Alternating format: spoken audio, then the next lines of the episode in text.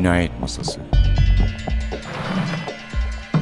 Hazırlayan ve sunan Sevin Okyay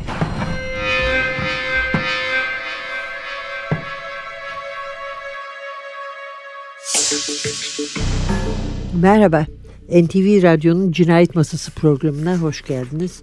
Hem konuk etmeyi umut ettiğimiz kişilere ulaşamadığımız için, bir tanesi yurt dışında olduğu için konuğumuz Michael Connolly bugün.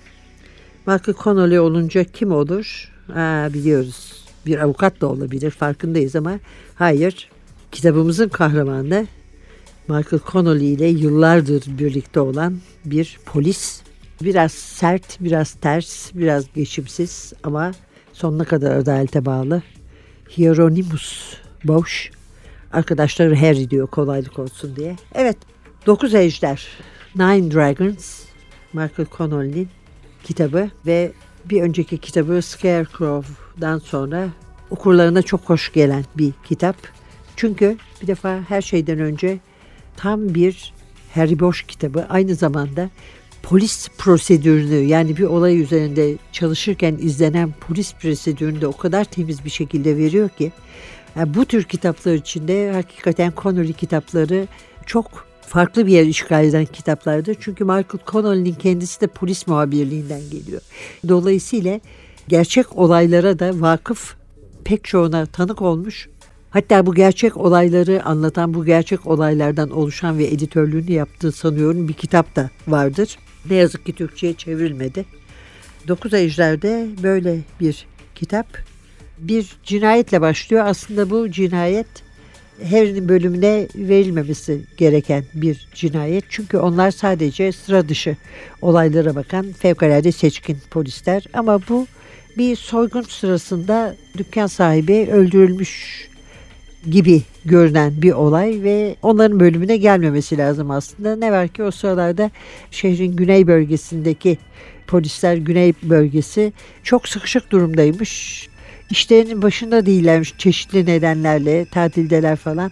Dolayısıyla onları hafifletme sözü vermişler. Bu da işte o sözün yerine getirilmesinin örneklerinden biri. Yani üstlerine vazife olmayan bir şeyi almışlar ve epeyce bir zamandır boş oturan Harry Boş ve ortağına yani çok da fazla sevmediği, fazla güvenmediği çünkü dalgacı ve tembel bulduğu ortağı Ignacio Ferras'a verilmiş.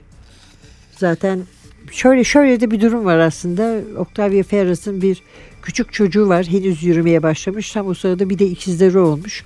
Karısı başa çıkamıyor. Kocasının hep erken çıkıp eve gelmesini istiyor. Ama polis işi de böyle şeylere meydan vermiyor anlaşıldığı kadarıyla. Yani kitaplarda gördüğümüz polis işinden söz ediyor.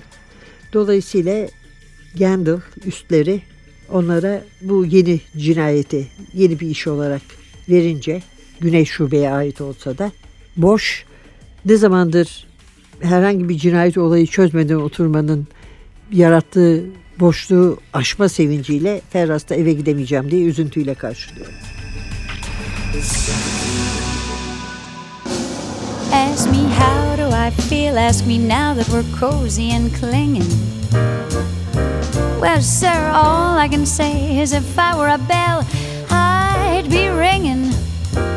From the moment we kissed tonight, that's the way I've just got to behave. Boy, if I were a lamp, I'd light. And if I were a banner, I'd wave. Ask me, how do I feel, little me, with my quiet upbringing? Well, sir, all I can say is if I were a gate, I'd be swinging. And if I were a watch, I'd start popping my spring. Or if I were a bell, I'd go ding dong, ding dong, ding.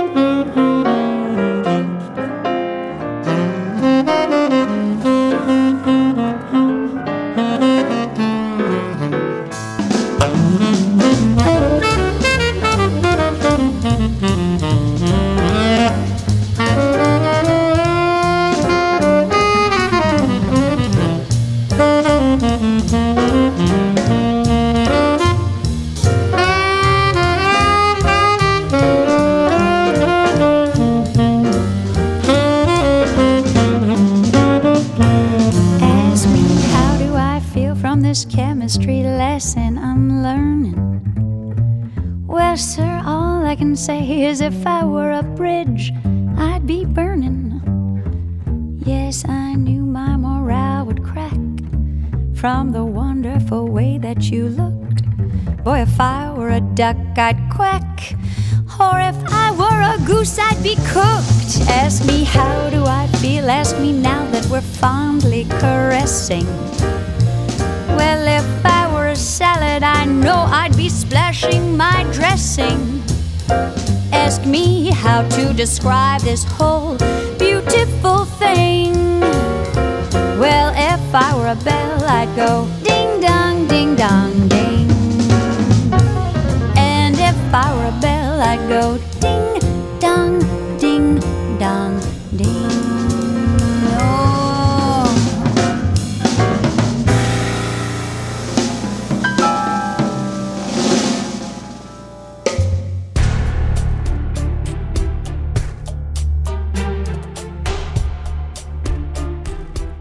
Ejder Chu ile olan görüşmesi kısa bir süre önce sona eren Bayan Lee ekip odasındaydı ve kızının gelmesini bekliyordu.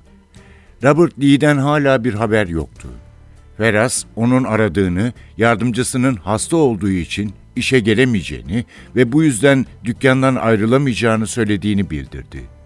Boş iki kadına asansöre kadar refakat ettikten sonra saatine baktı ve vadiye gidip kurbanın oğluyla konuşmak ve sonra öğlen saat 2'deki otopsi için kararlaştırılan randevuya yetişmek için hala yeterli zamanının olduğuna karar verdi.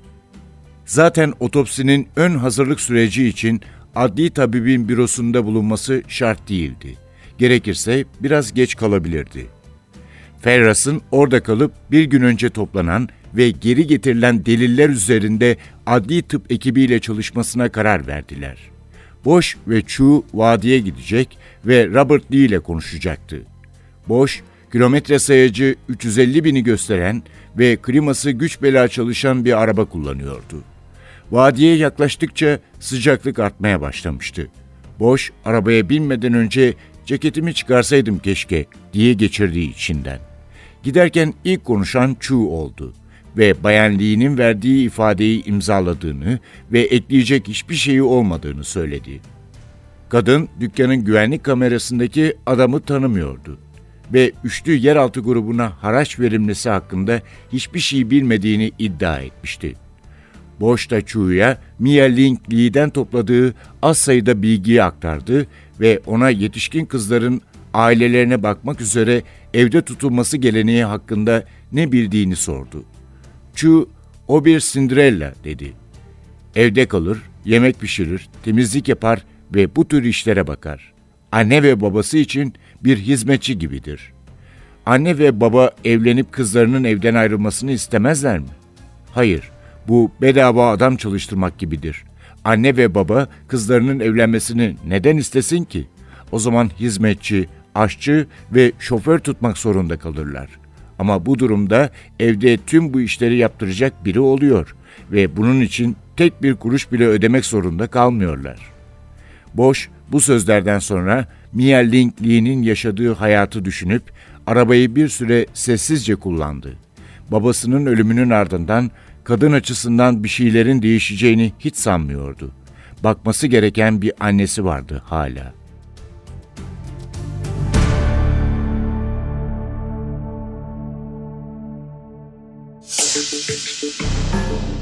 Dokuz Ejder, Nine Dragons, Mehmet Gürsel çevirdi Türkçe'ye. Altın kitaplardan çıktı. Zaten Connolly altın kitaplarda. Yazar Enterprise Bulvarı, Lübnan ve Indiana'da yer alan tüm ekibe sonsuz teşekkürler demiş kitabının başında. Efendim gittikleri zaman olayın yerini görüyorlar. Fortune Liquors diye Güney Los Angeles'ta bir dükkan. John Lee isimli sahibi öldürülmüş. Anlaşıldığı kadarıyla bir triyat yani bir yeraltı üçlü çetesi durumu söz konusu. Çünkü birisi alışverişe geliyor gördükleri kadarıyla kayıtlardan. Verdiğinden çok daha fazla para alıyor. Yani 216 dolar sonuçta haraç alıyor dükkandan. Ee, onu görüyorlar. Ondan sonra işten çıkardığı bir çocuk var. Bir şeyler çalıyor diye. Çocuk kara devrildi ve sırf böyle olduğu için kendisine böyle davrandığını söylüyor ve kafana uçuracağım deyip gidiyor. Ondan da şüpheleniyorlar.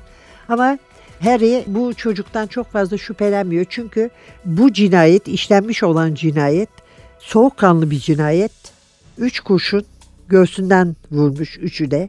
Bir nefret cinayeti değil yani. Oysa nefret cinayetlerinde özellikle kurbanın yüzü parçalanıyor. Ama bu böyle aşırı duygularla, nefretle işlenmiş bir cinayete benzemiyor. Bir fevkalade profesyonel bir işe benziyor. Ancak onda da şunu düşünüyorlar yani haracı hazırlamadı diye bir insan öldürülür mü? O zaman her hazırlamadığı hafta öldürecek olsan kimden haraç alacaksın? Yani bir süre sonra kimse kalmaz diye. Böyle şeylerde ama gene de iç rahat olmasa da boşun en azından bunun bir intikam cinayeti, nefret cinayeti olmadığından emin. Ölenin bir karısı var. Çince biliyor sadece. Asya ekibinden Chu diye bir dedektif getiriyorlar. Tercümanlık yapıyor. Bir kızı bir oğlu var. Kızı Mia bir Cinderella yani evde oturup annesine babasına bakan bir kız. iki yıl üniversiteye gitmiş bitirememiş. Çünkü annesiyle babasının onun bakımına daha doğrusu bedava hizmetine ihtiyaçları var. Böylece işte aşçı, hizmetçi, şoför gibi insanlara para vermiyorlar. Evin bütün işlerini kız yapıyor. Erkek çocuk da üniversite bitirmiş olarak babasının yolunda gidiyor. Çok daha büyük ve daha fazla para kazanan bir dükkan açmış ve bu sırada kızı Mads Boş'un ve karısı sabık ajan şimdilerde epey bir zamandır şimdilerde dediğime bakmayın profesyonel kumarbaz karısı da Hong Kong'da kızı da yanında onunla da telefonda konuşuyorlar hatta maktulün akciğer röntgenlerini gönderiyor sigara içiyorsa vazgeçsin diye. Bir de ayaklarına yazılmış Çince şeyler var. Onların fotoğrafını çekip tercüme ettirir mi diye oraya gönderiyor.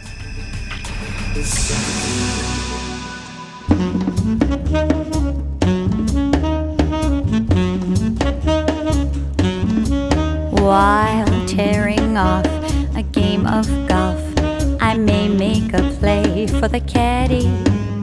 But when I do, I don't follow through, cause my heart belongs to daddy.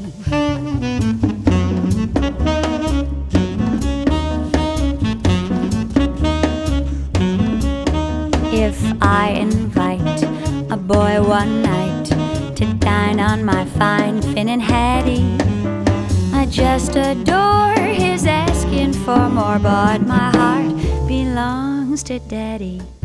Yes, my heart belongs to Daddy, so I simply couldn't be bad. Yes, my heart belongs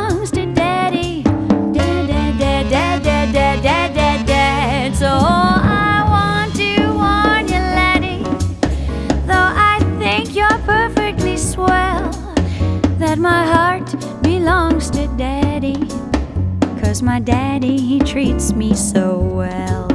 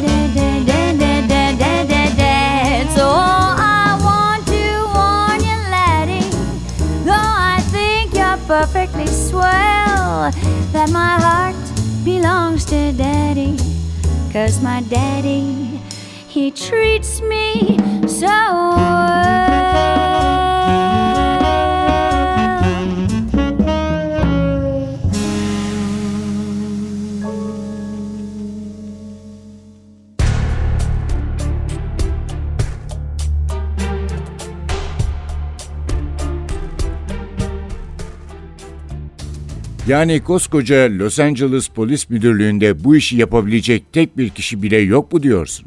Bu kadar basit bir şey için Hong Kong'daki kızını aramak zorunda mı kaldın? Şu an için söylediklerinde haklı sayılırsın. Elinden geleni, elinden geleni ardına koyma.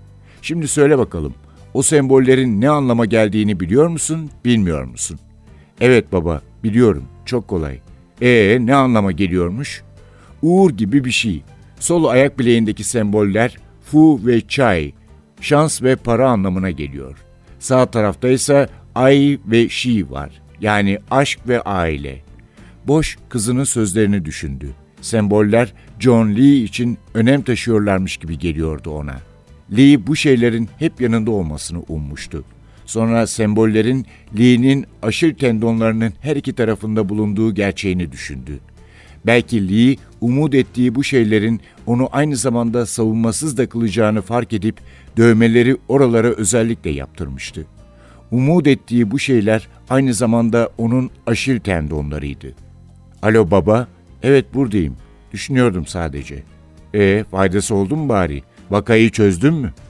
Boş gülümsedi ama kızının bunu göremeyeceğini fark etti hemen. Çözdüğü sayılmaz ama yardımı oldu. İyi, bana borçlusun. Boş başını salladı. Sen çok zeki bir çocuksun değil mi? Kaç yaşında oldun şimdi? Neredeyse 20'ye merdiven dayamış 13 yaşında bir kız. Baba lütfen. E annen bir şeyleri doğru yapıyor olmalı. Pek fazla yapıyor sayılmaz. Hey, onun hakkında böyle konuşamazsın. Baba, onunla birlikte yaşamak zorunda olan benim. Sen değilsin. Sandığın gibi öyle eğlenceli bir şey değil. Los Angeles'tayken sana anlatmıştım. Annen hala başka biriyle görüşüyor mu? Evet ve ben onun gözünde bayat haber oldum. Böyle söyleme Maddie. Annen için çok uzun zaman oldu. O kadar. Benim için de uzun bir zaman oldu diye geçirdi içinden boş.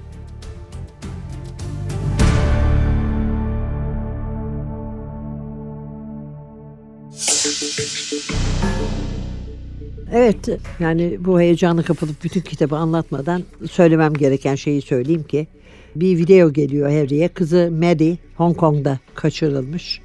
Hemen onu kurtarmaya gidiyor. İşte sonra Amerika Hong Kong dolaşıyorlar diyelim. Kimler var tanıdığımız? Tabii ki Harry'nin kendisi. Ignacio Ferraz, ortağı. Eleanor Wish, sabık eşi. Madeline Bosch, Mads ya da kızı. B.K. Heller, bu az önce sözü edilen programın başında avukat, kanun adamı. Matthew McConaughey'nin oynadığı Lincoln'lü kendine ofis edinmiş şahıs ve üvey kardeşi aynı zamanda Bosch'un. Los Angeles Polis Departmanı'nın psikoloğu Carmen Hinoyos. Bu arada Jack McEvoy'un da sözü ediliyor gazeteci. Biliyorsunuz şu şair The Poet'in iyi kahramanı. Ve diğer karakterlerimizde işte David Chu'muz var. Eleanor'un yeni sevgilisi Sun Yi var Hong Kong'daki.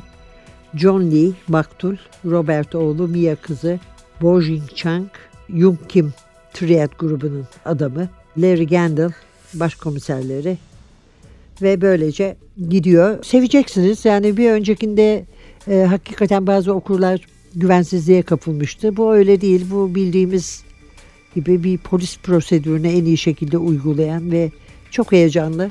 Hong Kong'u çok canlı, renkli, hareketli olan bir kitap. Evet, gelecek olursak şimdi esas esas kahramanımıza Michael Connolly. Bütün kitaplarını anlatırken söylediğimiz gibi yazar olmaya Florida Üniversitesi'nde okurken Raymond Chandler kitaplarını keşfedince karar verdi. ve hemen onun üzerine yaratıcı yazarlık ve gazetecilik okumaya başladı. 1980'de mezun olduktan sonra Daytona Beach ve Fort Lauderdale gazetelerinde çalıştı. Özellikle de polis muhabiri oldu. Burada ihtisas yaptı. Kokain savaşları denen şey Güney Florida'nın üzerinden geçerken ki yani gerçekten de bir cinayet ve şiddet dalgasıydı. Bu dönemde polis hakkında, suç hakkında yazdı gazeteciyken.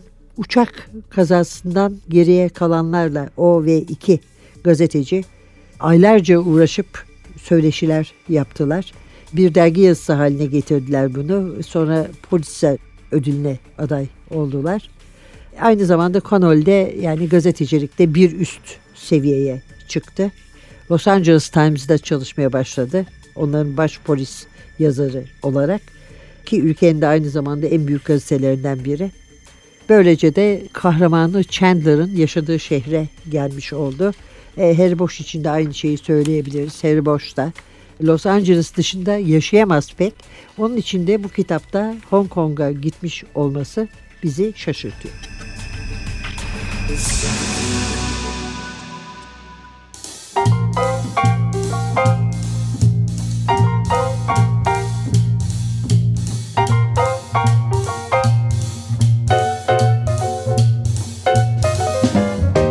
Something happens to me every time I feel that you are near. A strange kind of chemical change goes rushing through me. I know that mysterious glow means you'll appear. Then, darling, something happens to me in your arms when I feel you're trembling too. I can tell you've been caught in the spell that I am under.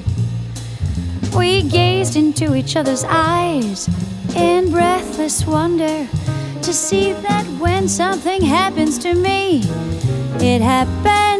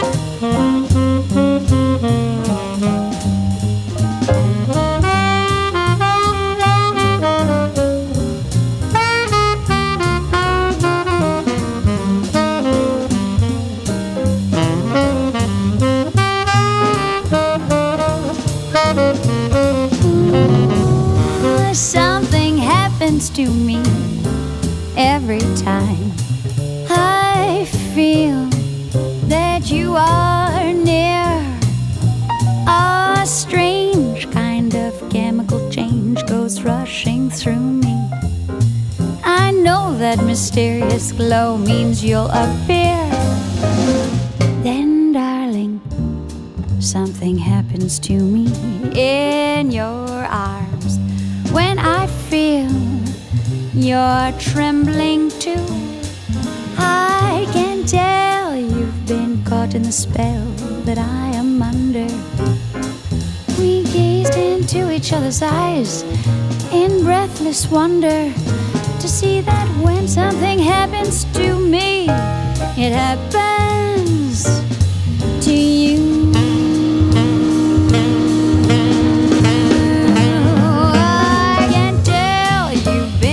caught in the spell that I am under. We gazed into each other's eyes in breathless wonder to see that when something happens to me, it happens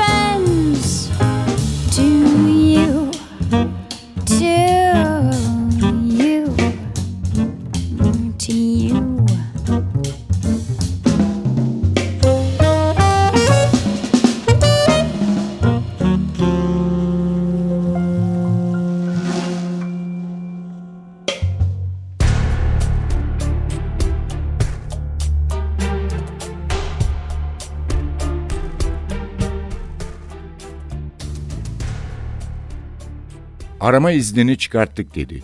Ama telefonda hiçbir şey yoktu. Bavulda da dişe dokunur bir şey bulamadım. Ayakkabıların birinde saklanmış bir iş kartı vardı. Bir tarafında İngilizce, diğer tarafında Çince yazılar olan bir kart. Her iki tarafta da aynı şeyler mi yazıyor diye bir bakmanı istiyorum. Senin Çince okuyamadığını biliyorum. AEB'ye fakslarsam birilerine gösterebilir misin? Evet Harry ama hemen göndermen gerek. Muhtemelen boşalıyordur şimdi orası. Boş saatine baktı. Cuma öğleden sonrasıydı ve saat dört buçuk olmuştu. Şehirdeki ekip odaları şimdilerde hayalet kasabalara dönüşüyordu. Hemen göndereceğim. Oradakilere haber ver ve faksın gelmekte olduğunu söyle. Boş telefonu kapattı ve ekip odasının diğer tarafındaki fotokopi odasına gitmek üzere küçük bölmesinden dışarıya çıktı. Saat dört buçuktu. Boş'un altı saat içinde havaalanında olması gerekiyordu. Uçağa bindiği andan itibaren soruşturmanın askıya alınacağının farkındaydı. Uçuş esnasındaki 14 küsür saat boyunca kızıyla ve soruşturma ile ilgili gelişmeler yaşanmaya devam edecek ama Boş'un eli kolu bağlı olacaktı. Kendini filmlerdeki evinden görevine giderkenki uzun yolculuk boyunca uyutulan astronotlara benzetti. O, uçağa elinde hiçbir şey olmadan binemeyeceğini biliyordu. Öyle veya böyle bir ilerleme kaydetmeliydi. Kartı Asya ekibi birimine faksladıktan sonra küçük bölmesine geri döndü. Telefonunu masasına bırakmıştı ve ekranda karısından gelen bir cevapsız arama olduğunu gördü. Eleanor mesaj bırakmamıştı ama boş hemen aradı onu. Bir şey mi buldun diye sordu. Mede'nin iki arkadaşıyla uzun uzadıya sohbet ettim. Bu kez konuştular. H ile mi? Hayır değil. Onun tam adı ve numarası yok bende. Diğer iki kızda da yokmuş. Sana neler anlattılar? H ve abi okuldan değilmiş. Happy Vadisi'nde bile oturmuyorlarmış. Onlarla alışveriş merkezinde buluşuyorlarmış. Nereli olduklarını biliyorlar mıymış? Hayır, buralı olmadıklarını söylediler. Medi H ile oldukça samimi görünüyormuş. Anlaşılan abi de bu şekilde grubun bir parçası olmuş. Bunların hepsi Medi'nin seni ziyaretinden sonra son bir ayda yaşanan gelişmeler aslında. İki kız da hem Medi hem de H ve abi ile aralarına mesafe koyduklarını söylediler.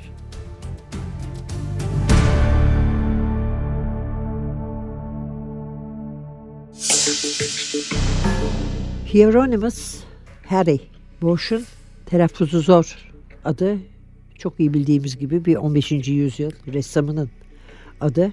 Bu ressam peyzajlarının zengin ayrıntılarıyla tanınır. Yani hem sefahate ilişkin ayrıntılar hem de grafik şiddet ayrıntıları. Harry ise Los Angeles'ta yetişti. Bu ismin yükünü de sırtında taşıyarak. Bir yetim de zaman zaman manevi evlat olarak ailelerinin yanına veriliyordu. Annesi fuhuştan tutuklandıktan ve daha sonra da bir cinayet kurbanı olduktan sonra. Vietnam'da bir tünel faresi olarak kaldı yıllarca. Ülkesine çok yalnız ve her şeye yabancılaşmış, hayal kırıklığına uğramış bir adam olarak döndü. Sonra polis oldu. Ee, nihayet Los Angeles Polis Teşkilatı'nda cinayet masası dedektifi birinci sınıf olmayı başardı. Ama uzun süre çok uzun sürede kalmadı burada çünkü Harry aslında bir polis olmanın ötesinde bir görevi olduğunu düşünen bir adam.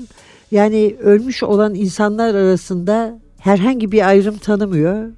Hani kötü adamdı, iyi adamdı meselesi onu ilgilendirmiyor. Onu sadece ölmüş olması ve ölmüş bir insanın haklarını savunmak zorunda olması ilgilendiriyor. İdealist birisi aslında ve adaletten yana adaleti tecelli ettirmek istiyor. Ne pahasına olursa olsun. Ama bu aynı zamanda onun çok sevdiği ve ona zevk veren bir iş tabii. Bunu da unutmamak lazım. Yani görevini yerine getirmek ve kurbanların intikamını almak, sorumluları bulmak. Hep doğru olanı yapmak istiyor. Bu da tabii takdir ederseniz insanı pek dost kazandırmaz. Nitekim her yere kazandırmıyor. Ne polis teşkilatı içinde ne de dışında. Hatta bir ara ayrılıyor teşkilattan. Özel hafiye olarak, özel dedektif olarak çalışıyor. Ama sonra gene teşkilata dönüyor. Gerçi ayrıldığı yere dönmüyor ama yükselmeyi de başarıyor eski yerine.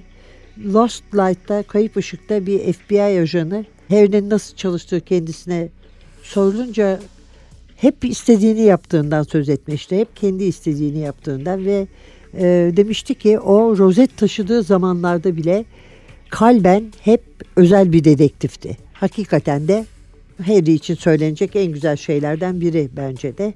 Bir evlilik macerası var Eleanor'la FBI ajanı. Sonra ayrılıyorlar. Sonra yıllar sonra kızlarını gösteriyor Eleanor'a ve o kadar etkileyici bir sahneydi ki ben hala o küçük kızın Madeline'in, Mads'in babası olduğunu hatırlamıyorum. Biliyor muydu yoksa öyle annesinin arkadaşı diye mi tanışmıştı? Eve gelen yabancı erkek karşısındaki utangaç halini ilk anlarda çok net bir şekilde hatırlıyorum. Önce The Black Echo'da karşımıza çıktı 1992'de. O günden beri de beraberiz. Doğrusu hiçbir şikayetimiz yok. Sevdiğimiz kahramanları vardı başka. Terry McCallum, Jack McAvoy. E hadi Heller pek sevmem ama gibi. Ama boş hakikaten başkadır. Bir de sevmemizin bir nedeni daha var. Daha bu kitapta 100. sayfaya gelmeden arabada CD'yi takmış ve Ron Carter dinlemeye başlamıştı. Miles'la birlikte olduğu dönemden ve neden iyi bir cazcı olduğunu anlatıyordu. Lafın kısası Harry Bosch caz seven az sayıda dedektiften bir tanesidir. Efendim 9 Ay İşler, Nine Dragons, Michael Connolly, Mehmet Gürsel, Altın Kitaplar. Haftaya başka bir cinayet masası programında yeniden birlikte olmak umuduyla mikrofonda Sevin Masa'da Hasan.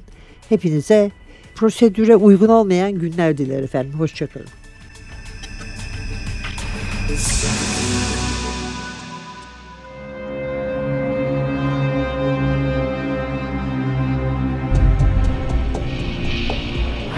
Cinayet Masası